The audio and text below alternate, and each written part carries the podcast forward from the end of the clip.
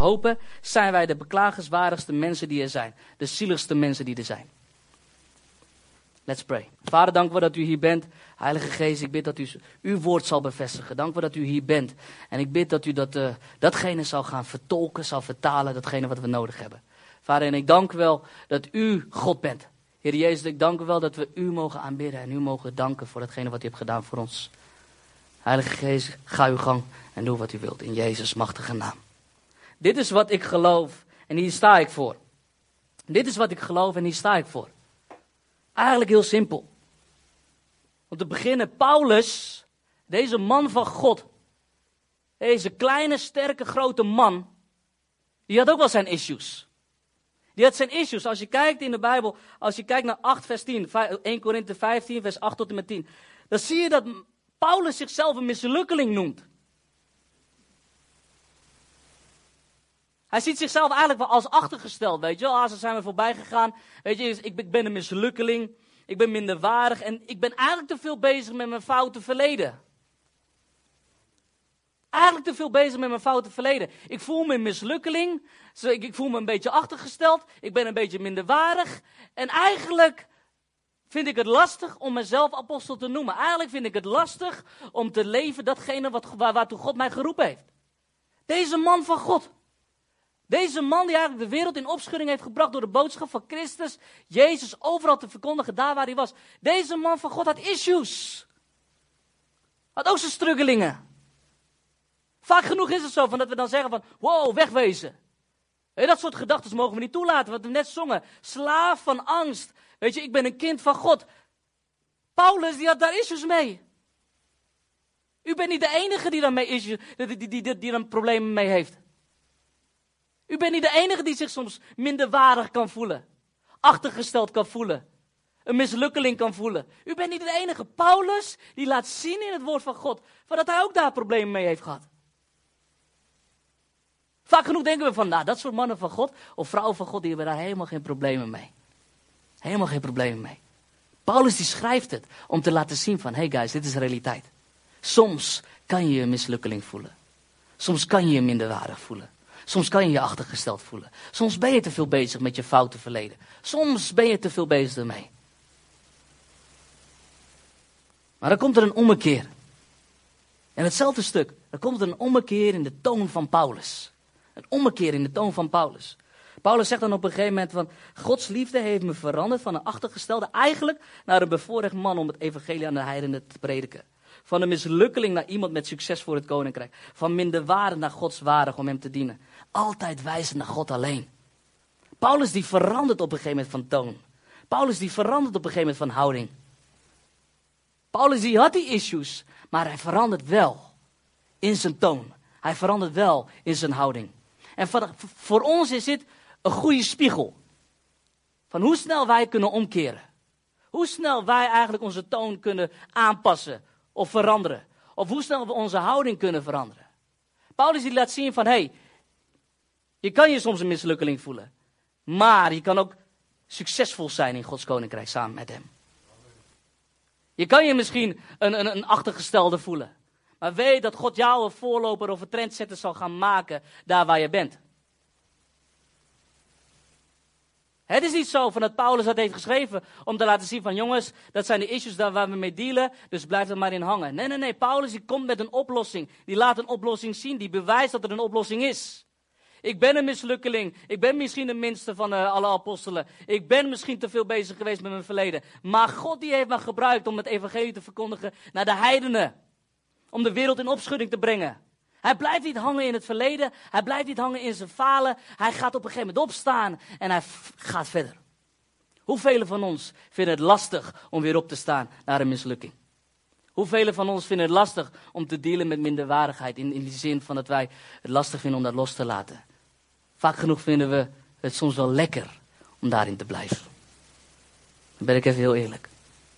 Vaak vinden we het wel lekker en voelt het wel oké. Waarom voelt het oké? We hebben het altijd ook zo gehad, toch?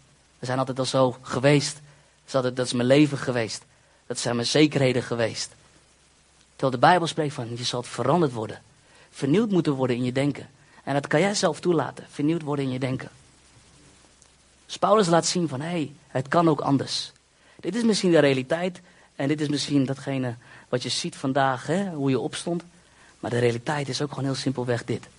Ik kan jou daaruit halen. Ik kan voor jou mislukkingen, kan ik een succes maken. Wanneer jij zwak bent, dan ben ik sterk in jou. Een hoopvolle toekomst heeft God voor ons. Amen. Misschien heeft u issues, maar weet dat God. Weet dat God. Weet dat u in God. Uw issues opgelost zullen worden. Altijd wijzend naar God. Dit is wat wij geloven. Dit is wat ik geloof. Matthäus 6, vers 9 tot en met 13. We zongen het net geweldig. Onze Vader in de hemel. Dit is wat ik geloof. We hebben een Vader in de hemel. We hebben een God die we Vader mogen noemen. Het gebed dat Jezus ons leerde. Onze Vader die in de hemelen zijn. Het wordt zo makkelijk gewoon opgedreund, weet je we gaan op onze knietjes. We gaan bidden. En we zingen. En we zeggen allemaal. Onze Vader in de hemel zijt u nou wordt heilige koninkrijk komen. Hoeveel van jullie hebben dat meegekregen toen ze klein waren? Op school of, thuis? Je het meegekregen. Maar beseffen we dat ook gewoon echt? En geloven we dat ook echt? Het is een statement dat je zegt. Onze vader. Maar dat is op een gegeven moment een statement van geloof. Van wat dit is wat ik geloof. Dat ik een vader heb. In de hemel.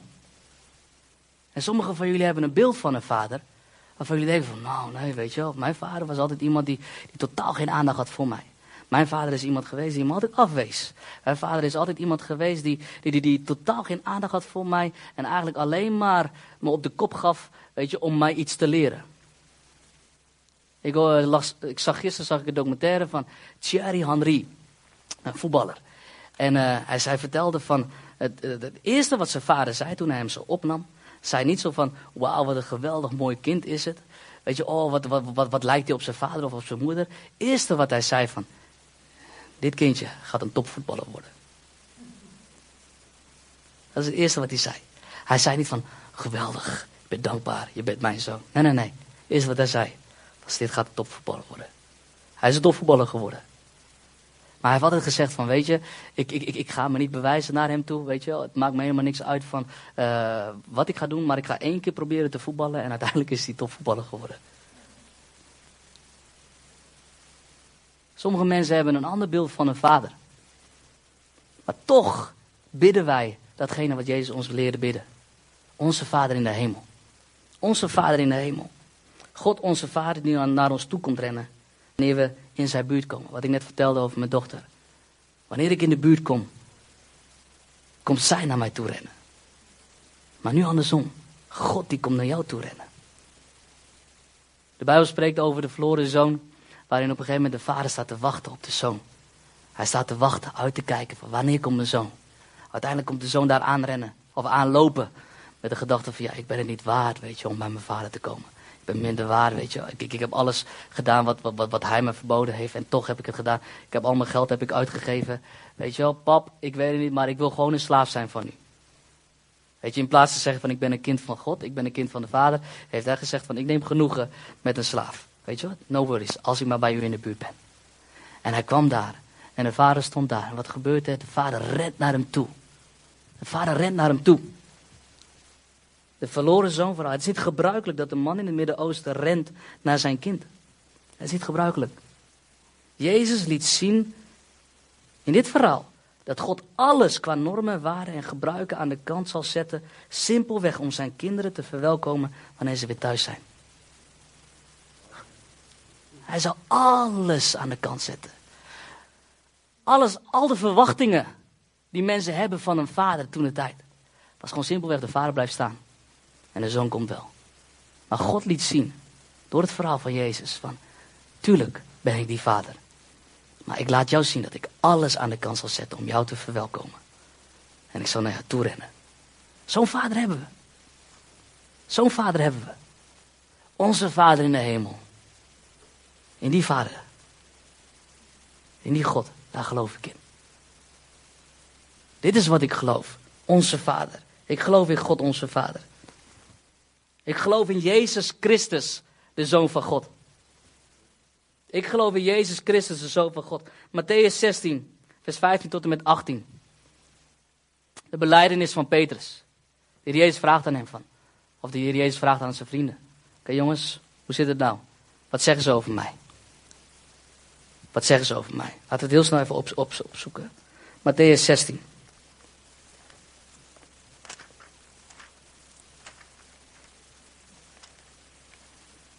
Matthäus 16.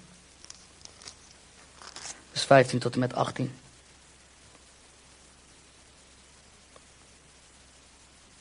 Toen vroeg hij hun, en wie ben ik volgens jullie?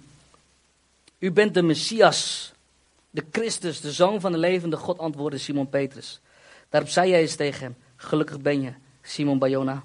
Want dit is je niet door mensen van vlees en bloed geopenbaard, maar door mijn Vader in de hemel. Dat is zo geweldig. Het feit alleen al dat we kunnen zeggen dat Jezus de Christus, de Zoon van God is, kunnen wij alleen maar zeggen wanneer we die openbaring hebben gekregen van God de Vader in de hemel. Dus wanneer wij geloven in God de Vader, onze Vader, dan kan die openbaring daar komen van dat Jezus daadwerkelijk de Christus is, de Zoon van God is. Jezus Christus, de Zoon van God. Ik geloof in God onze Vader. Ik geloof in Jezus Christus, de Zoon van God. En op dat fundament, op die beleidenis, dan zal de kerk groter worden, sterker worden. Daarop gebouwd worden. Geweldig. Ik geloof in zijn Heilige Geest als de aangewezen plaatsvervanger. Ik geloof niet dat Boeddha dat is. Ik geloof niet dat Mohammed dat is. Ik geloof niet dat uh, de paus dat is. Ik geloof dat de Heilige Geest de plaatsvervanger is van Jezus Christus. De enige plaatsvervanger is van Jezus Christus. Er zijn niet meerdere plaatsvervangers van Jezus Christus. Jezus Christus ging naar de hemel. En hij stuurde zijn Heilige Geest voor ons. De plaatsvervanger. De Bijbel spreekt in Johannes 15, vers 26. Wanneer hij komt, zal hij je brengen naar de volle waarheid. Hij zal je brengen naar de volle waarheid. Dus God onze Vader, die ons openbaart in ons harten dat Jezus Christus zo van God is. En de Heilige Geest, die ons zal brengen naar de volle waarheid. Jezus zegt van, ik ben de weg, de waarheid en het leven. Het is allemaal gelinkt aan elkaar. De Vader die openbaring geeft van Jezus Christus, de Zoon van God. De Heilige Geest die ons brengt naar Jezus Christus. En die ons altijd maar weer samenbrengt van, dit is wat ik geloof. Ik geloof in God, onze Vader. Ik geloof in Jezus Christus, de Zoon van God. Ik geloof in zijn Heilige Geest als perfecte plaatsvervanger. Ik geloof dat hij kwam en stierf voor ons aan het kruis. Om onze zonde op zich te nemen en de straf te dragen die we hadden verdiend. Johannes 3, vers 16. We kennen het allemaal wel.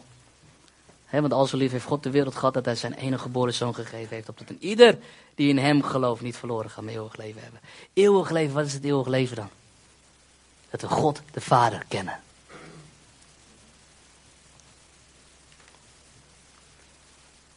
De Bijbel spreekt over Johannes 3, vers 16 hè, dat hij de wereld heeft liefgehad. Waren er toen al christenen, toen de tijd? Nee, helemaal niet. Waren er toen al discipelen? Nee, nog helemaal niet. Maar God die stuurde wel alvast zijn zoon.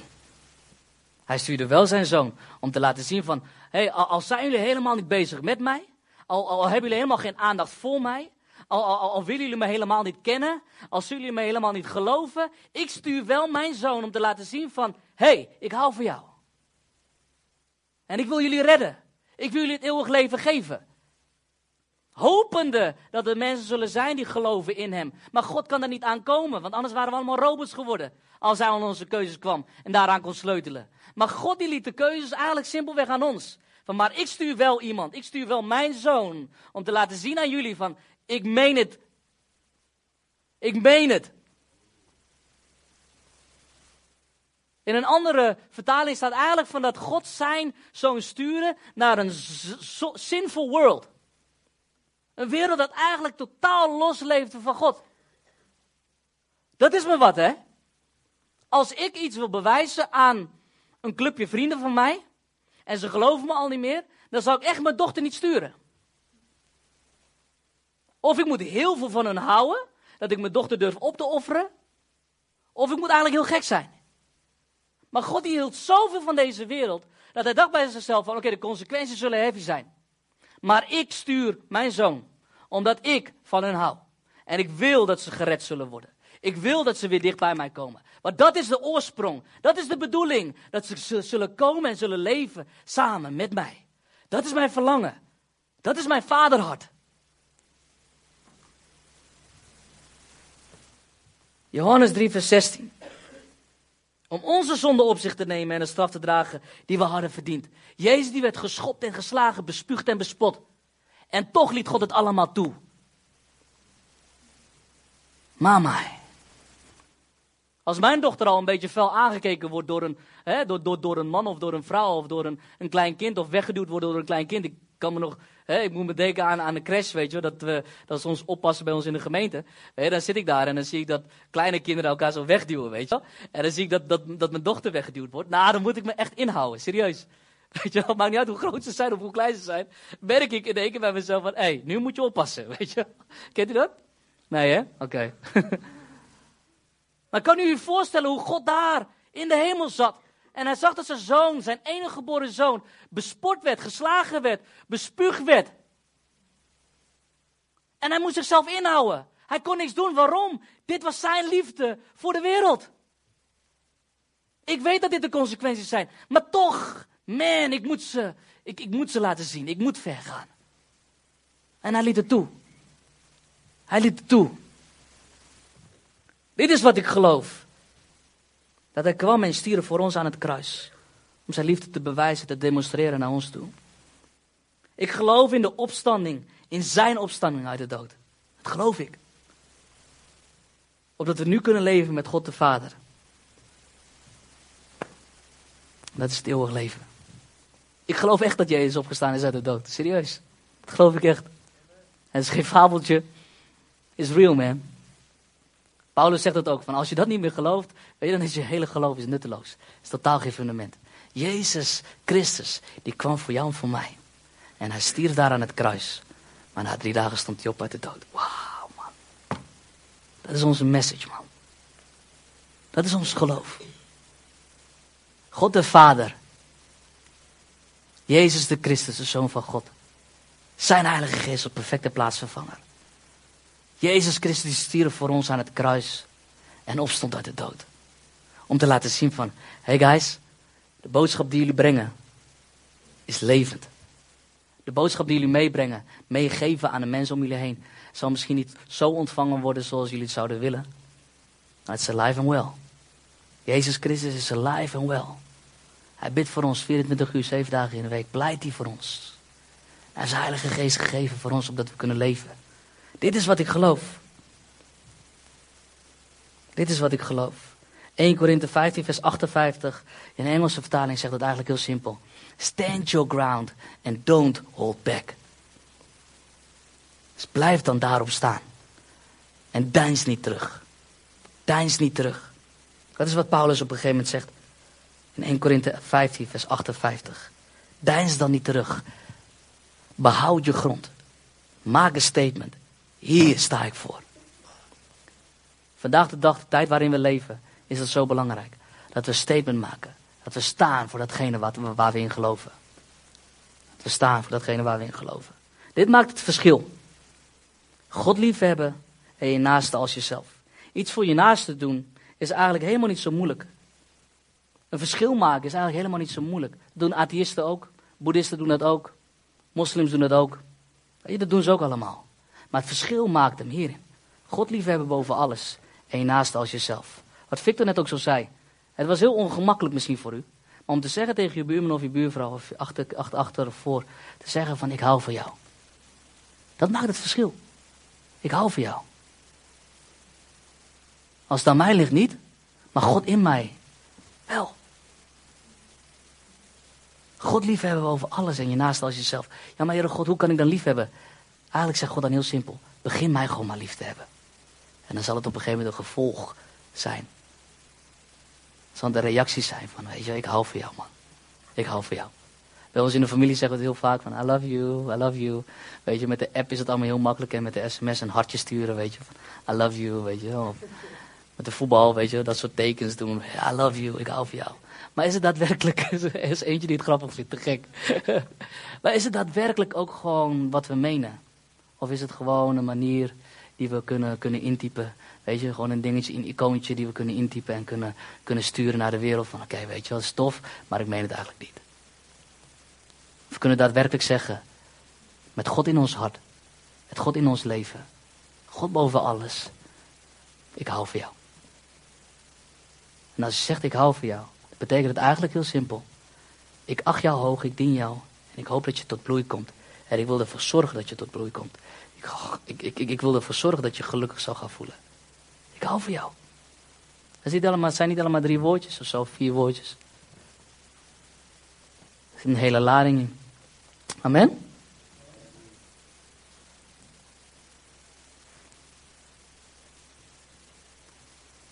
...19 april 2015 kregen we te horen van dat er een boot op een gegeven moment, hè, of verschillende mensen, in het water overleden. 700 mensen mogelijk, die eigenlijk verdronken. Kindjes, papa's, mama's, opa's en oma's, ooms en tantes. Die wilden naar de overkant gaan. Maar ze verdronken allemaal. Schip, pof. En ze verdronken. 700 mensen. Wat willen ze? Ik zat zo te denken. Hè? Dan kom je daar met een boot. En dan vraag je af van oké, wat kan ik doen?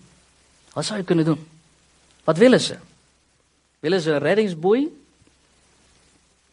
Willen ze een zwemvest? Of willen ze meerdere boten? Wat willen ze? Ze willen gewoon heel simpelweg een beter bestaan. Dat willen ze. Vaak genoeg is het zo van dat we wel komen daar met een boot van in het geestelijke. We komen daar en we gooien reddingsvesten, poef. We gaan weer verder. Je gooit een reddingsboei, poef. We gaan weer verder, ja? Of je, gooit, je geeft ze een boot en je zegt oké, we gaan weer verder. Maar wat wij geestelijk eigenlijk moeten doen, is geen reddingsboeien gooien. Of reddingsvesten gooien. We moeten ze eigenlijk meenemen in ons boot en meenemen naar een beter bestaan. Naar de overkant. Dat is onze taak. Snapt u me? Dat is onze taak. En dan kan je een middel gebruiken als reddingsboei en een reddingsvest. Maar uiteindelijk zal je ze mee moeten nemen in de boot en zal je ze mee moeten nemen naar de andere kant waar, waar ze heen willen gaan. Verlangen in hun hart is een beter bestaan.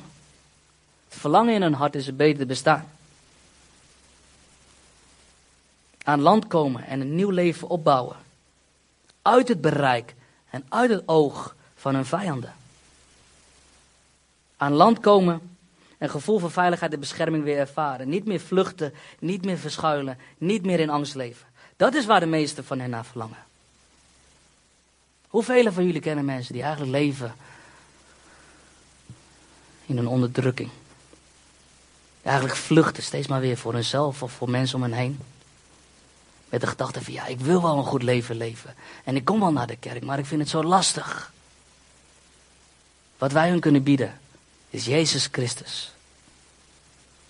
En Jezus Christus brengt hen naar een nieuw land. De Bijbel spreekt over van, ik leid je uit in de ruimte. Dus hij leidt je uit uit jouw situatie, uit jouw pijnlijke situatie, uit jouw verleden. En hij brengt jou in ruimte. Een nieuw gebied, een nieuw terrein. Waarin je dingen zou gaan ontdekken samen met hem. Maar dat wel bestemd is voor jou en voor ons en voor die ander. Het is dan aan ons om mee te nemen en te brengen samen met Jezus in die nieuwe ruimte. Waarin ze kunnen ontdekken van yes, dit is een beter bestaan. Hier is liefde en vrede. Hier is acceptatie. Hier is vrede en blijdschap in die zin van oké, ik hoef me geen zorgen meer te maken om de vijand. Die me steeds maar weer achtervolgt met mijn verleden. Die me steeds maar weer probeert neer te halen. Ik hoef me geen zorgen meer te maken om die vijand. Want die vijand is overwonnen. En Jezus Christus zegt van kom en blijf dicht bij mij. Want dan zul je zien van dat ik de overwinnaar ben. En dan zul je zeggen van dat je meer dan overwinnaar bent. Dat is onze taak. En hier eindig ik mee. Dit is wat ik geloof. En hier sta ik voor. Hier sta ik voor. En staan is niet een passief iets. is niet iets van dat, dat, dat je houdt op één plek. Het staan betekent niet van dat je gewoon, oké klaar, dit is het. mensen zeggen wel, of mensen hebben soms wel het gevoel van, oké, hier sta ik voor. Bam, dit is het. Wat ik net ook zei in, uh, 1 Korinthe 15 vers 58. Stand your ground and don't hold back. Wat betekent dat? Dat er wel momenten zullen gaan komen waarin je op een gegeven moment merkt van, hé, hey, nu gaat het wel wat lastiger worden. Nu komt er een beetje strijd. Wat ik net zei, van, hè, als je in die ruimte komt samen met Jezus, zul je ontdekken dat Hij overwinnaar is. En dan zul je ontdekken dat je kan zeggen van, ik ben meer dan overwinnaar omdat ik met Hem ben. Dus er zullen wat struggelingen komen, er zullen wat momenten komen waarbij je denkt van, oké Heer, u moet nu wel laten zien aan mij dat u winnaar bent. Zodat ik kan zeggen dat ik meer dan overwinnaar ben samen met u. Stand your ground and don't hold back. Hier sta ik voor. Ik geloof in Jezus Christus. Ik geloof in God onze Vader. Ik geloof in de Heilige Geest. Ik geloof in dat Hij gekomen is voor mij aan het kruis, opgestaan uit de dood. Ik geloof dat. Hier sta ik voor. En hier sta ik voor is een actief iets en niet een passief iets. Het zet jou in beweging en het zet jou op plekken waar je eigenlijk nooit bent gekomen. Er is een boek uitgebracht dat honderden, misschien wel duizenden mensen opnieuw in beweging heeft gezet. De auteur heet, of de eh, auteur heet Anneke Kramers. Hier sta ik voor. En haar slogan is eigenlijk heel simpel. Beter zichtbaar zijn en je werk op kaart zetten. Dat is haar slogan. Dat is haar boek. Het heeft duizenden mensen, honderden mensen in beweging gezet om te laten zien van oké, dit, dit, dit is mijn job, dit is mijn functie, hier sta ik voor. En ik ga het op de kaart zetten. Ik ga het bekendmaken. Bekendmaken door in beweging te komen. Bekend te maken door simpelweg te laten zien van hier ben ik trots op. Hey, hier ben ik trots op. Dat ik dit doe, hier ben ik trots op. En dan gaan we een stapje verder. De Bijbel is geschreven door verschillende auteurs, geïnspireerd door de Heilige Geest. Amen? En zijn slogan is eigenlijk heel simpel. Zijn werk hier laten zien. Zijn werk op de kaart zetten. Zijn werk op de kaart zetten. God zichtbaar maken in jouw leven. En zijn werk zichtbaar maken. Dat is onze taak van de kerk. Dat is onze taak voor jou en voor mij. Van ons. Dat is de taak van de kerk. Hier in Zutphen, in Fase, in Apeldoorn, in Epe. Het is onze taak om te laten zien van God zichtbaar in mij. En ik laat zijn werk zien hier op mijn werk. Op school, in je gezin. En in je stad of in je dorp. Te laten zien van hé, hey, de kerk is niet veranderd.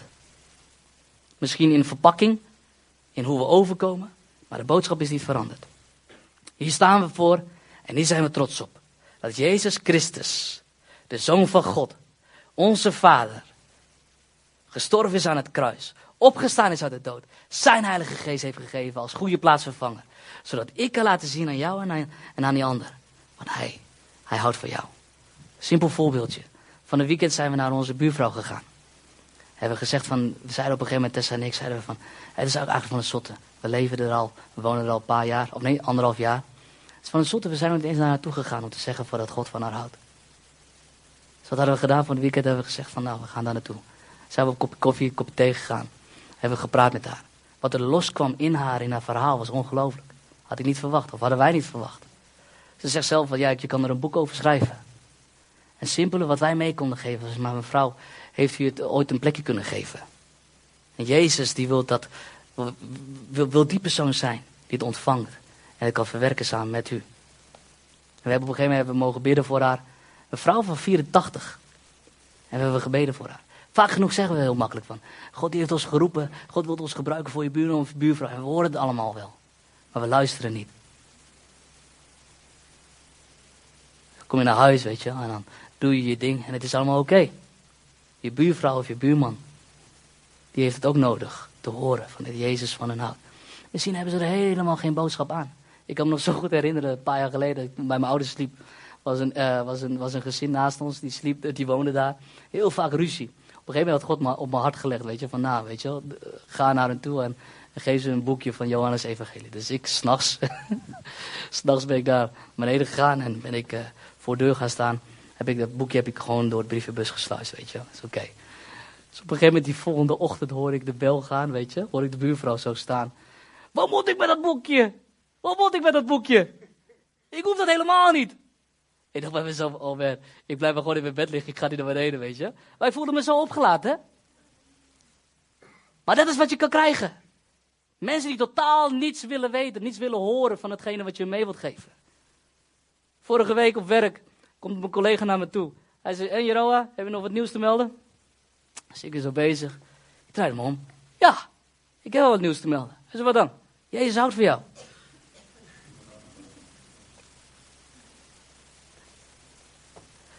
Hij ging niet gelijk op zijn knietjes en ging bidden, weet je Dat ging helemaal niet. Simpelweg wat hij zei was, uh, oké, dat is de eerste keer dat ik dat hoor. Maar mijn vrouw die zei het vanochtend ook al, dat, ik van dat, dat ze van me hield. En hij ging weer weg. oké, weet je, de mooiste scenario is natuurlijk, weet je, dat hij op de knietjes valt, bam, weet je, ga bidden voor hem en hij huilen, weet je, en Jezus Christus aangenomen en, en we nemen mee naar de kerk. Nee, man. Realiteit is heel simpel. Dat het niet altijd gebeurt. Amen? Dat ze je aankijken met grote ogen en denken bij jezelf van, ik snap helemaal niet wat je bedoelt. En ik hoef er eigenlijk helemaal niet niks over te horen.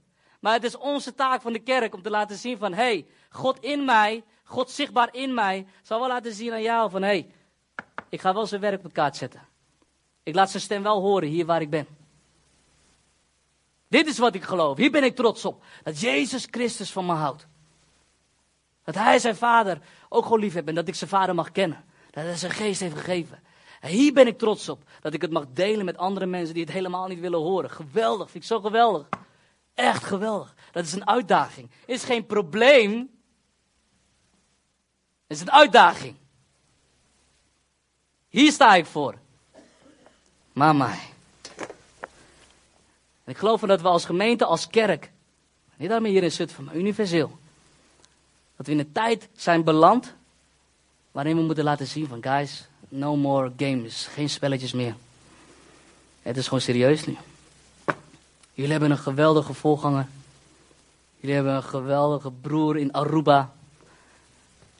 Die gewoon bezig is daar in Aruba.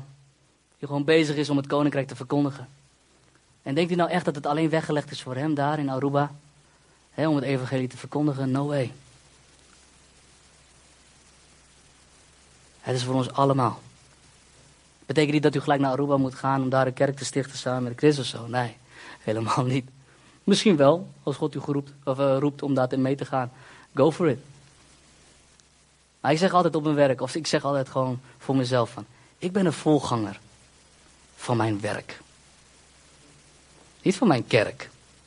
Op mijn werk ben ik de voorganger daar. Bent u uw voorganger op uw werk of in uw gezin? Of op uw sportclub? Dan praat ik niet over, oké okay, guys, laten we gaan bidden, dit en dat, elke dag. Nee, helemaal niet.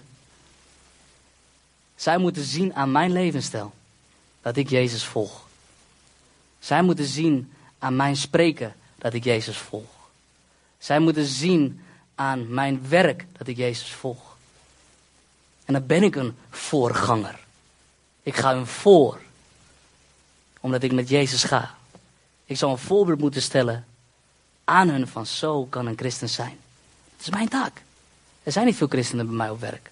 Maar het is mijn taak daar om hun voor te gaan.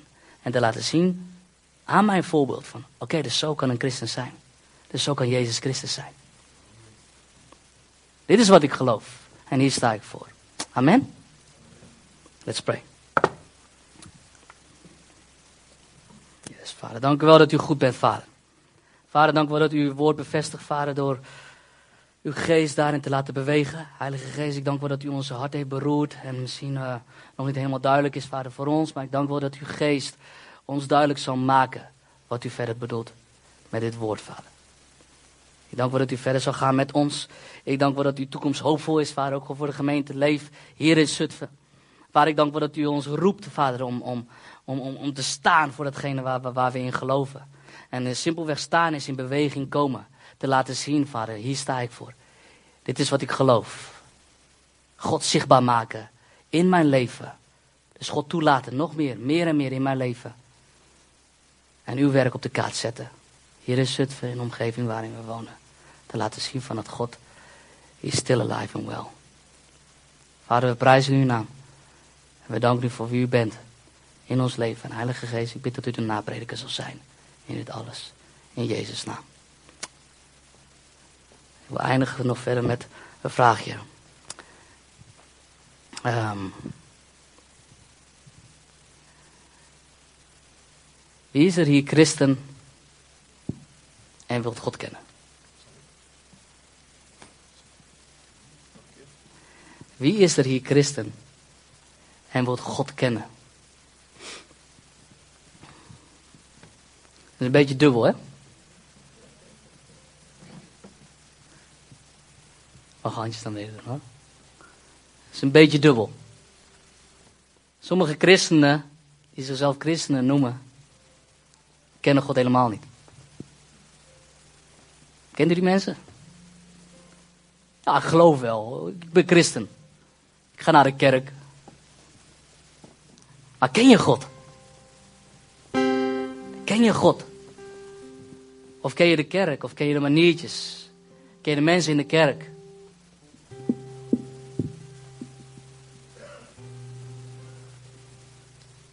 Christen die God kent.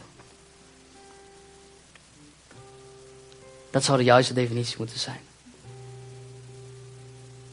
Vaak genoeg zijn er heel veel christenen om ons heen. Die zichzelf christenen noemen. Maar God totaal niet kennen. God totaal niet kennen. De maniertjes wel kennen. Informatie wel hebben.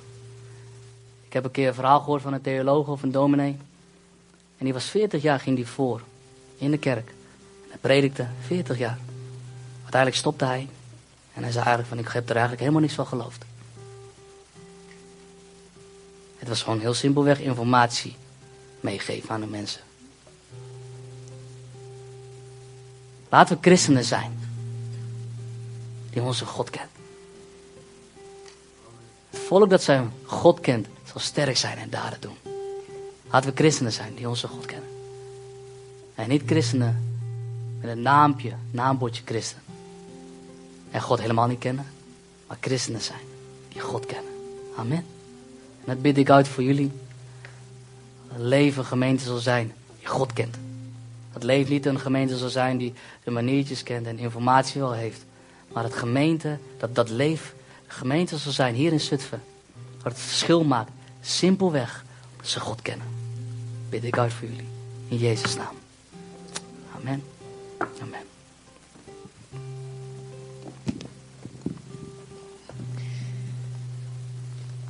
Er is denk ik nog een slotlied.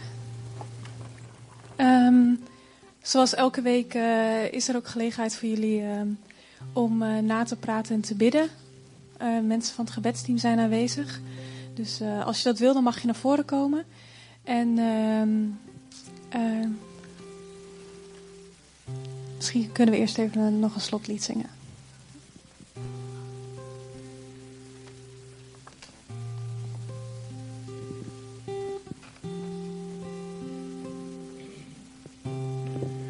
Vrede vult dit huis, een glim van heerlijkheid daalt in onze harten neer. Vader, kom omarm wie naar u verlangt. Uw geest staat op ons leven neer. En uw liefdeslied vervult ons nu naar bidding. Uw geest getuigt in ons. Wij zingen, wij zingen Abba, Vader. Hier bij ons. Wij zijn uw zons en dochters. En uw liefde laat ons nooit.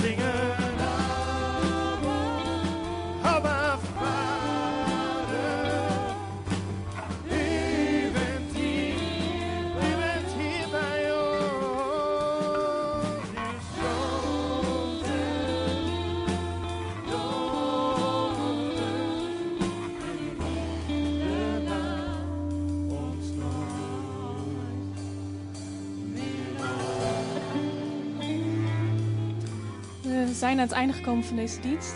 Ik wil nog zeggen, ehm, als jij nou hier zit en je zegt van God, Vader, ik wil heel erg graag bij God de Vader komen, maar ik weet nog niet hoe. Of hè, Jezus, ehm, ik heb over hem gehoord, maar geloof, ja, ik wil bij hem komen. Ik wil door Jezus Christus wil ik bij God de Vader komen. Dan kan je ook naar voren komen om eh, met je te laten bidden en erover te praten.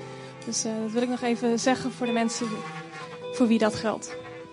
Ehm, ik wil je zegenen deze week ehm, met de liefde van God, de Vader. Dat je intimiteit met Hem zult hebben deze week, waarin je gewoon ook weer nieuwe dingen over Hem zult ontdekken. En ehm, ja, dat je dan Hem zult eren daarvoor, voor de dingen die je zult ontdekken. En dat je Hem bekend maakt, inderdaad, zoals Jeroa zei, door de kracht van de Heilige Geest. En dat allemaal door de genade van onze Heer Jezus Christus. Amen. En ehm, heb een hele goede zondag. Ontmoet elkaar nog bij de koffie. Heb een hele goede tijd daar. En eh, graag tot volgende week.